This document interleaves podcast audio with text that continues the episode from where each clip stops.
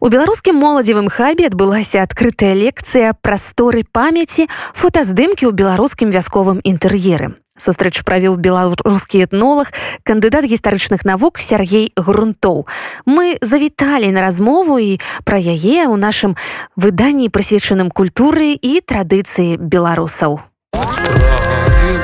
спакон вяку нам засталася спадчына засталася спадчына Праграма спадчына на радыё УНэт. Фатаграфія гэта не проста напамін, сувенір з мінулага, гэта яшчэ вельмі важны феномен вясковай культуры. Каб заўважыць, дастаткова зайсці ў сялянскую хату, амаль у кожнай вы ўбачыце партрэты, распачынае сваю лекцыю Сергей Грунтоў. Фотаздымкі гэта вельмі важная частка вельмі важная частка сямейнага жыцця сямейнай ідэнтычнасці, якая фіксуе людзей у розных сітуацыях у розныя гады дзесяцігоддзі іх жыцця. Можа быць не выпадкова і зараз з, з пачаткам вайны ва ўкраіне з'явілася вельмі шмат фотаздымкаў у, у, у тым ліку, якія паказваюць сямейныя фотаздымкі на месцах разбураных кватэр, разбураных дамоў і гэтак далей. Прынамсі мне такія высылаў мой сябра, якія збіра... займаюцца збіраннем фотаздымкаў з Днепра і пасля гэта не раз мільгала ў сеці. Культура фатаграфіі ў вясковым інтэр'еры у навуковай прасторы з'ява даволі новая. Даследчыкі звычайна не краналіся гэтай тэмы, ўсё ж такі фатаграфія гэта штосьці больш-менш познее, не заўсёды прыцягвае ўвагу этнолагаў, гісторыкаў. Нягледзячы на тое, што традыцыя штосьці размяшчаць у інтэр'еры з'явілася у беларусаў значна раней, чым у сярэдзіне два стагоддзя.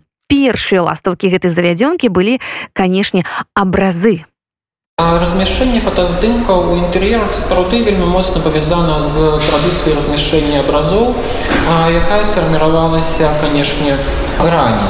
Напрыклад, калі мы паспрабуем зазірнуць у сялянскі інтэр'ер 19 пачатку 20 стагоддзя з усёй відавочнасцю мы там знойдзем абразы, але не знойдзем фотаздымкаў. Але па ўсім гледзячы і гэта таксама рэч укараненая ў часе.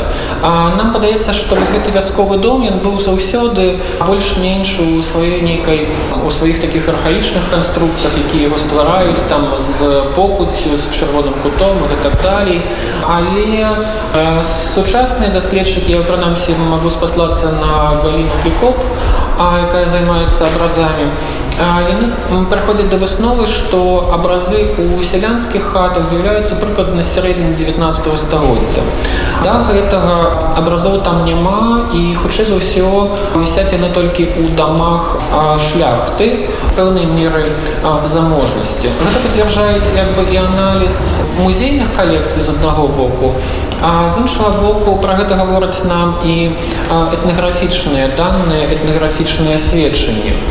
І у першую чаргу вось напрыклад з Юдакіма раманава, які піша, што у курных у курных хатах зусім не бывае ікон.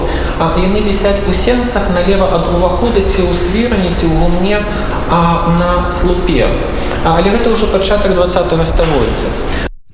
Фатаграфія, дарэчы, не так проста заняла сваё месца ў беларускім грамадстве пачатку два стагоддзя. У нашых продкаў была процьма з бабонаў, звязаных з фатаграфаваннем. Па сведчаннях з пачатку два стагоддзя мы ведаем, што нярэдка фатаграфавацца яны проста баяліся яшчэ. Праблемы былі у сербава, які паехаў фатаграфаваць, мы ведаем гэты добры альбом і фотакалекцыю створаны ў 11-12 годзе на палесце. Вось як гэта апісвае. А на заробным шляху нам застроўся мясцовы палешук, які ехаў жонкай на кірмашу лагішын. А склалася выдатная група. А мне хацелася як-небудзь сфотаграфаваць іх. Староста прыпыніў палешука і той патлумачыў яму мой намер. Той спакойна выслухаў, але ледзьве толькі навёў на яго фотоапарат, як паляшук з усёй моцы рвануў лейцы, сцебануў коні і без аглядкі паімчаў па пыльнай дарозе.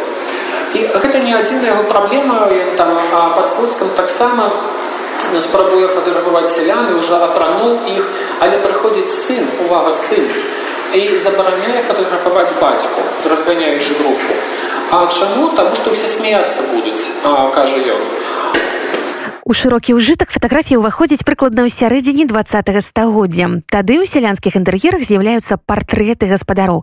Наяўнасць фотаздымка падкрэслівала сацыяльны статус, а па вялікім рахунку прыводзіла нас да эвалюцыі мыслення.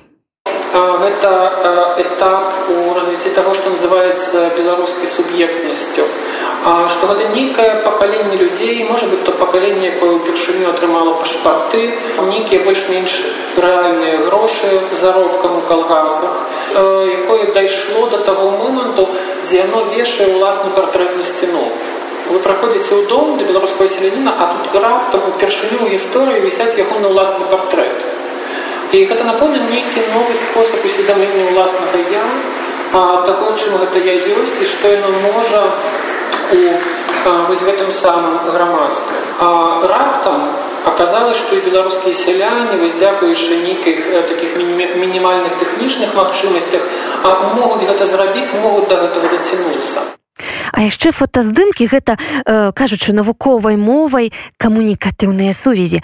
У прысутнасці гэтых фотокартак можна працягваць існаваць, да іх можна звяртацца ў думках. Яны могуць нагадваць пра мінулае. Так званая камунікатыўная памяць адзначае Сергей Грунтоў паскораная урбанізацыя пасляваенная гэта вельмі рэзкі сацыяльны зрух калі большасць дзяцей фактычна уже з'язджае ў горад гэта дэпапуляцыя вёскі становіцца тым пераломным момантам калі памірае вялікая сям'я сям'я ў сэнсе вот этих блізкіх сваякоў якія жывуць у суседнім доме і так далее і так далее.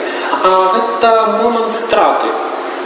І гэты у гэты момант страты з'яўляецца гэта мода на вывешванне фотаздымкаў блізкіх і калі яны нешта робяць то якраз такі яны вяртаюць у прастору дома тых хто пакаленне два-тры назад і так бы там быў але іх няма но прынамсі прынамсі на выявах яны так яны як бы тут ёсць яны іх суіснуюць збіранне і жывых і памерлых і ў гэтым сэнсе это трошки так падобна працуе як у сітуацыі памінання на могілках у сітуацыі радуніцы дзе разам збіраецца сям'я збіраецца сям'я як бы і продкі уяўныя да якіх памінаюць і тыя хто а можа быть адзін дзень сяго на год з розных куткоў там беларусі з'ехаўся іх памінаць і тады мы сапраўды бачым два-тры пакаленні жывых одно два-тры пакаленні памерлых вось тут як бы прысутных калі гэта вясковыя могілкі і у нейкім сэнсе гэта канешне падобна Прасторы памяці фотаздымкі ў беларускім вясковым інтэр'еры. Пра іх нам распавёў беларускі этнолог, кандыдат гістарычных навук Сергій Грунтоў. Шануйце і ведайце сваю спадчыну. спакон